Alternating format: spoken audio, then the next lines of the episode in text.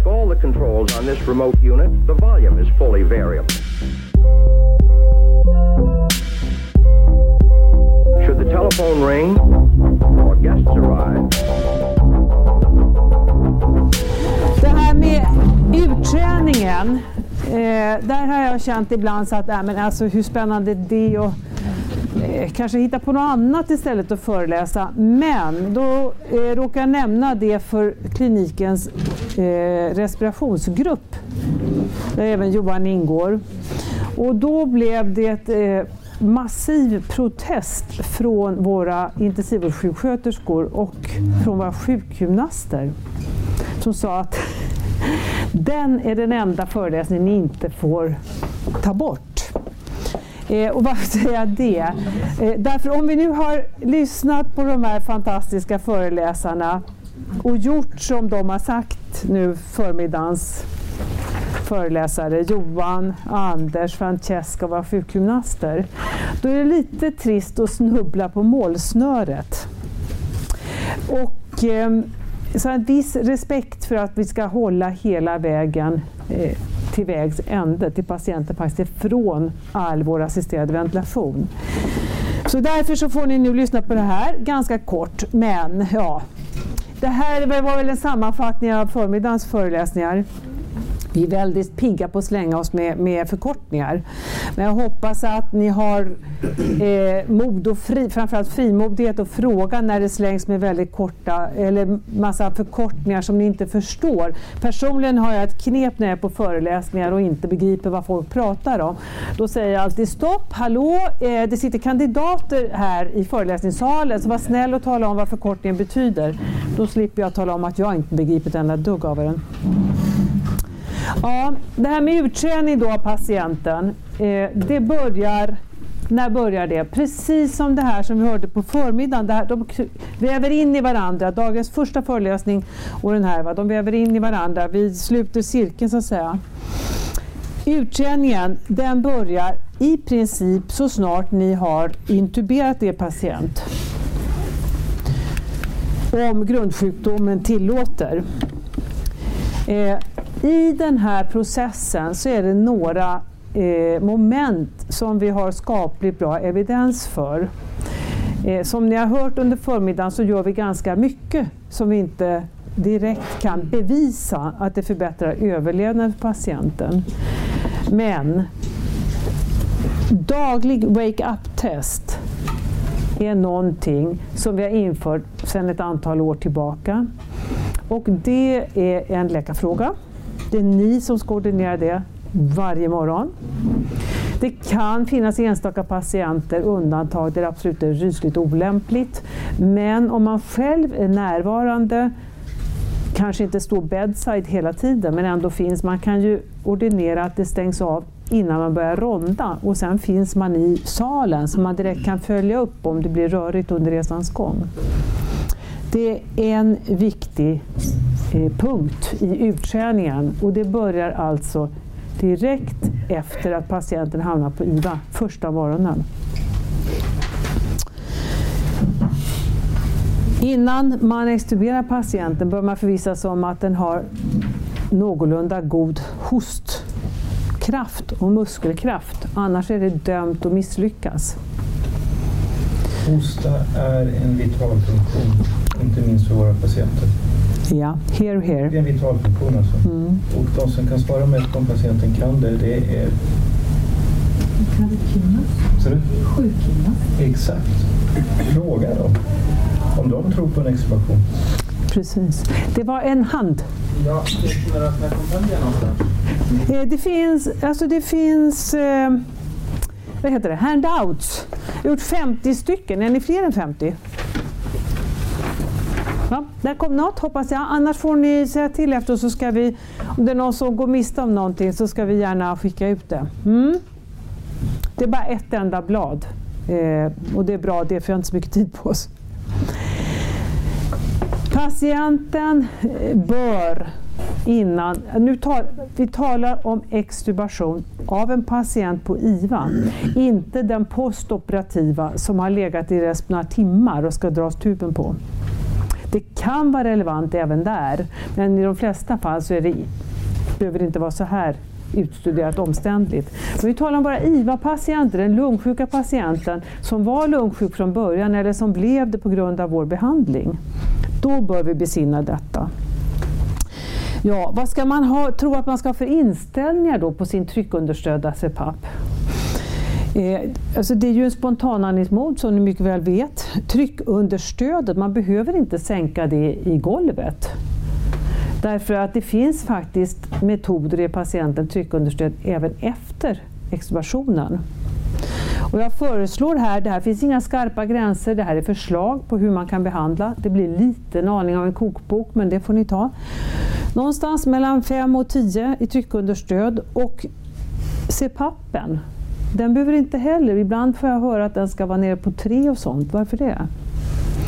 Det finns ju NIV. Ni måste inte sänka det i golvet innan ni extuberar patienten. Det viktiga är ju att patienten har en så pass bra lungfunktion att den förväntas kunna syresätta sig, ombesörja sitt gasutbyte, att den har tillräckligt med muskelkraft för att orka, en hoststöt, en vitalfunktion, en vakenhet helst som i alla fall borgar för någon form av medverkan. Det har vi ju inte hos alla patienter, det finns ju de som aldrig återfår fullt medvetande. Men det är önskvärda egenskaper hos den man ska befria från en tub. I detta ingår då att man måste inte vara nere på ett CPAP som är under 5. Därför att vi vill ju ha lungan så optimalt rekryterad som möjligt när vi drar tuben. Vi vill ju inte ha en kollaberad lunga och sen dra tuben. Och ett CPAP eller PIP under 5, det är väldigt lågt. Det är väldigt få patienter där det är befogat. Mm kommer till en parameter som vi faktiskt, du och jag älskar, men som vi inte har pratat så mycket om idag än. Det är den här, andningsfrekvens. Den parametern ska en intensivvårdsläkare eller den som jobbar på IVA registrera minst varje dag, helst flera gånger varje dag, hur den varierar och vad den är. Den uttrycker väldigt väl hos en patient som inte är djupt sederad hur patienten upplever sin andning. Och har vi då en patient här som har en, en tub och ska extuberas, ja, de brukar ju prata rätt mycket om andningsfrekvens under 30, men den här patienten som nu ligger i, har ett understöd i en ventilator och sen ska klara sig själv, där är det ju önskvärt att den faktiskt har så låg andningsfrekvens som 20 om det går. Då finns det lite marginal. Om den ligger på 30 redan med understöd, var ska den då hamna om vi drar tuben för den och berövar den understödet? PCO2 har vi berört. Man behöver inte vara så himla rädd för PCO2 såvida det inte ger en svår acidos. Eh, ja, under 7 är fullt helt okej. Okay. Det måste inte vara under 5. PFI har vi inte pratat så mycket om. Det här är inga, återigen, det här finns inga skarpa bevis för att det här är det rätta. Men om vi då säger att PFI ska vara över 33 och då eh, tror jag att de flesta är eller håller på att bli vana att tänka i termen PFI. Det vill säga FiO2. PaO2 dividerat med FiO2. PaO2 det får ni på er blodgas och fraktion inandad syrgas. Det vet ni förhoppningsvis eftersom ni själva har valt det. Eh, och ett PFI på mer än 33 det motsvarar till exempel att man har ett PO2 på ungefär 10 om man har 30% syrgas. För att ge en bild av ungefär vad talar vi om. Det här är ett inte särskilt högt PFI. Att gå under det, ja, det måste man ju i så fall göra en väldigt god individuell bedömning men man ska nog inte göra det lättvindigt. Då ska man ha klart för sig att man tar en risk. Att det inte kommer att lyckas, att patienten inte kommer att klara sin andning.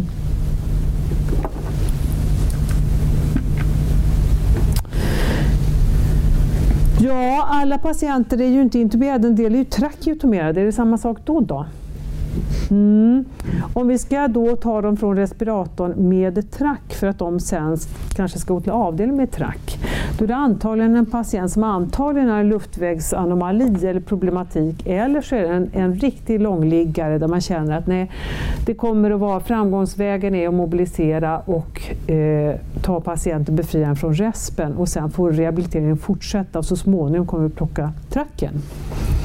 Och det innebär att man kanske ska ta det ännu lite mer omsorgsfullt. Återigen, daglig wake-up, det är otroligt viktigt för att inte översedera patienten, för att utvärdera patienten dagligen, för att förkorta tiden i ventilator.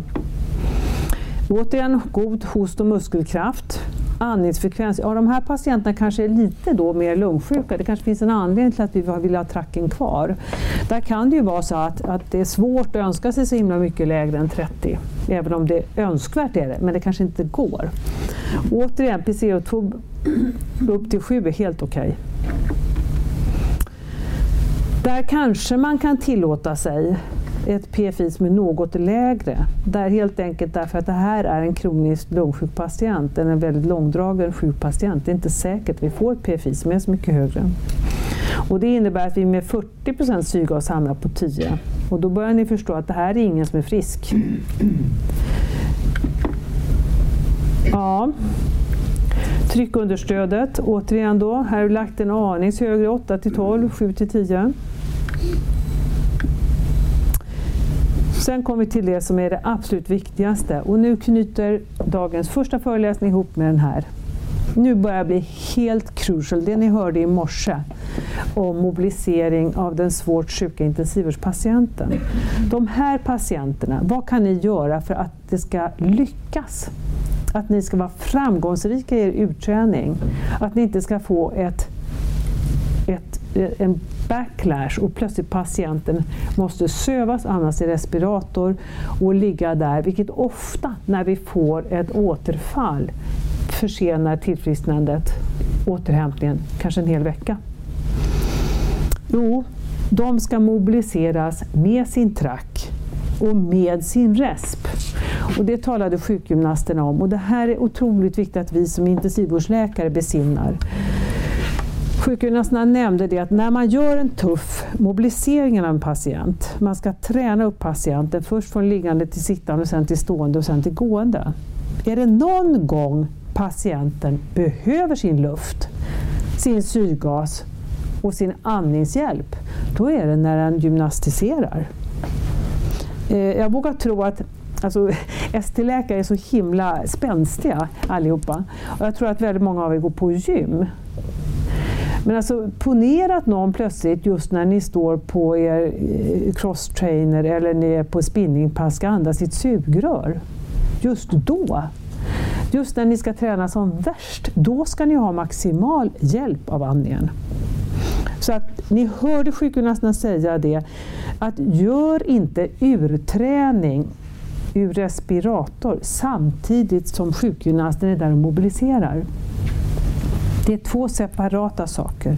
Mobiliseringen ska ske och träningen, sitta, stå, gå, med respiratorn på för att kunna verkligen träna upp sina muskler och sin kraft. Utan att allt fokus annars skulle hamna på att andas och inte få luft. För den tid ni övar från respen, då behöver patienten ha det lugnt i kroppen. Så syrekonsumtionen är så låg som möjligt, koldioxidproduktionen är så låg som möjligt så man har en chans att klara av den här utträningen. Även om det här går eh, med en tub istället för strax är det oftast mycket lättare och ibland nödvändigt med en slags. Det här är faktiskt har blivit en väldigt vanlig anledning mm. att vi trackar patienten. Att komma mm. igång med det. Ja. Mobilisering tidigare i förloppet. För med en track så är det, är det, man ska inte säga att det är peanuts, men, men det är klart det underlättar enormt. Gör det, jämfört med en tub. Det var vanligt att man drog tuben och så låg patienten och det enda de kunde göra det var att ligga och andas fullt i sängen. Mm. All kraft gick åt till att få luft. Mm. När man då talar om själva utträningen från respiratorn eh, på de här trackade patienterna Låt dem börja på dagtid, när ni är där. Det är lugnt och fint och ni kan utvärdera. Börja inte på natten. Förläng tiden långsamt, helt beroende på vad patienten klarar, under optimala omständigheter. Och sen när kvällen kommer, då ska patienten sova. Då ska den ju hämta sig för att kunna göra nästa gympapass och nästa utkänning nästa dag. Så i början av det här förloppet, då ska patienten ligga i på nätterna. Ligga i så de både får vila och kan sova och så att de inte på natten ligger och ådrar sig en massa atlektaser som gör att de nästa morgon är ännu sämre ställda. Jag vet inte hur många gånger som många, det har säkert både ni och Johan hört, eh, och patienten har legat ut hela natten och det har gått bra. Ja, till det ögonblicket ja. Sen kraschlandar patienten. Eh, man har lyckats, patienten har lyckats liksom hålla sina parametrar över natten och sen orkar den inte längre. Om man börjar för tidigt, om inte patienten är tillräckligt mobiliserad, tillräckligt stark i sin muskulatur och har fått öva upp sig på dagtid och visa att den är mogen för att ligga över en hel natt. Så vänta med nätterna tills ni ser att det går bra på dagarna. Använd nätterna till att de ligger i med CPAP och tryckunderstöd för vila och för att hålla lungorna rekryterade och utspända så att de är redo för, för fight nästa morgon. IVA är en rehabavdelning. Ja. Det är ett sätt att tänka kring det. Det är liksom en del av IVA-förloppet, det är rehabiliteringen.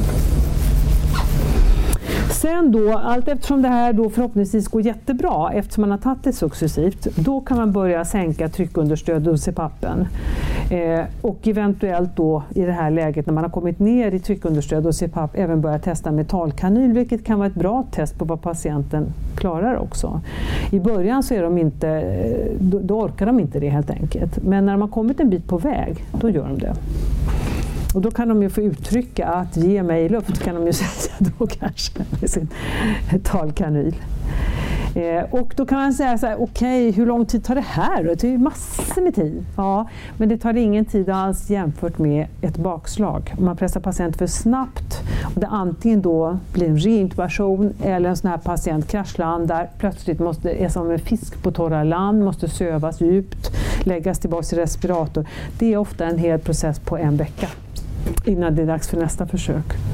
Och i den aspekten så är det mycket, mycket bättre att man tar det successivt. Man börjar väldigt tidigt och sen så tar man det lugnt och successivt allt eftersom beroende på hur sjuk patienten är, hur svårt lungsjuk. Och det sista den här då med kanylen gör, ligga ut även på nattetid. Ja. Eh. Vi berörde ju det här, vi tar bara jättekort med lite eh, studier i alla fall. Den här nämndes, jag tror, ni har, jag tror ni har fått den. Och det här är då en studie som tittar på hur det blir när man gör dagliga avbrott av sederingen, dagliga wake-up-test. Patienter som är svårt sjuka på intensivvårdsavdelningar och patienter som ligger i respirator. Och eh, då har vi då två stycken så kallade Kaplan-Meier-kurvor eh, här Eh, och eh, den första är den här sidan. Eh, det syns hoppas jag att det pekar ja. Då är det hur länge de har legat eh, med respiratorvård. Vi har en kontrollgrupp som väcktes när doktorn tyckte att det var dags att stänga av sederingen. Och vi har en interventionsgrupp här där man bestämde att det var dagliga wake-up-test varje morgon. Och då så ser man här att eh, patienter som väcktes varje dag, de hade en kortare tid i respirator med ett p-värde på 0,001, så det var väldigt tydligt. Och det kan man fråga sig, vad spelar det för roll då? Jo, det hoppas jag att förmiddagen har belyst att det är farligt att ligga i respirator. Så det är väl alldeles utmärkt att man inte utsätts för det längre tid än man ska göra. Mm. Eh, och sen så har vi den här då, hur länge patienten ligger kvar på IVA. Återigen en kontrollgrupp där man stängde av sederingen beroende på när doktorn tyckte det var dags. Och så har vi en grupp där man stängde av varje dag. Och då kunde man också se att tiden på IVA förkortades. Så ja, åtminstone den här studien visar då att det har ett värde för patienten. Sen eh, berörde våra sjukgymnaster kort den här, så jag behöver inte gå in i detaljerna. Men den handlar då om vikten och vinsten av att träna patienter väldigt tidigt på IVA, när de fortfarande är i, under respiratorvård och de är, det är IVA-patienter, critical ill patients. Eh, och då har man mätt eh, på den här axeln andel patienter som kunde klara, oberoende klara sig i det dagliga livet. Mm. Och eh, då har vi en interventionsgrupp som fick både daglig wake-up och gymnastik. Lite den här aktiva mobiliseringen upp och gå, den kräver ju lite att man är vaken. Det är inte alldeles lätt på djupt sederade patienter. Så att det går ju hand i hand. Eh, och här har vi då en kontrollgrupp där man inte gjorde detta.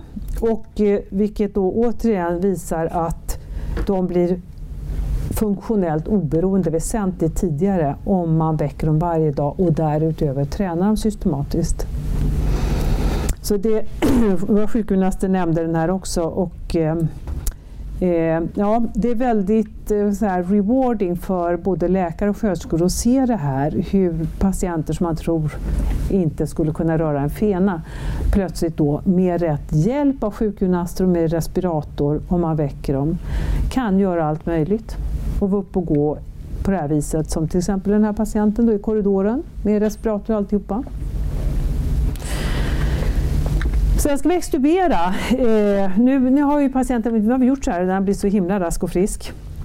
Och då brukar jag påstå, det är jag själv som, ja, det är ingen studie, det är en planerad åtgärd på IVA-patienter som har varit sjuka. Det är ingenting man plötsligt kommer på hux flux, utan den ska planeras. Och då finns det ett antal saker man kan överväga. Man måste inte göra allt på alla patienter, men man ska ändå ha tänkt och tickat av dem. Är det indicerat? Är det aktuellt för den här patienten? Och då har vi till exempel, det kan vara aktuellt med direktlaryngoskopi. Det beror helt på vad det är för luftväg vi talar om. Och där är det så att våra öronläkare kan vi på en del kliniker få hjälp av med det här. Men det ersätter aldrig er egen bedömning. För när patienten efter tre timmar plötsligt inte får luft, vem är det som då ska åtgärda det? Jo, det är ju ni. Och då är det faktiskt en väldigt stor trygghet skulle jag påstå, att ni själva har tittat och sett hur det ser ut. För ni kommer att finna att, att ni har en egen uppfattning. Nej men det här känner jag, det här kommer jag inte, jag ser ingenting, jag kan inte identifiera några strukturer, det här kommer inte jag känna mig trygg med att intubera. Och då ska man ju stå för det. Och det kan också vara så att ni eh, stoppar in laryngoskopet och lyfter och tittar runt och säger att jag har, jag har bra insekt här, jag har koll på strukturerna.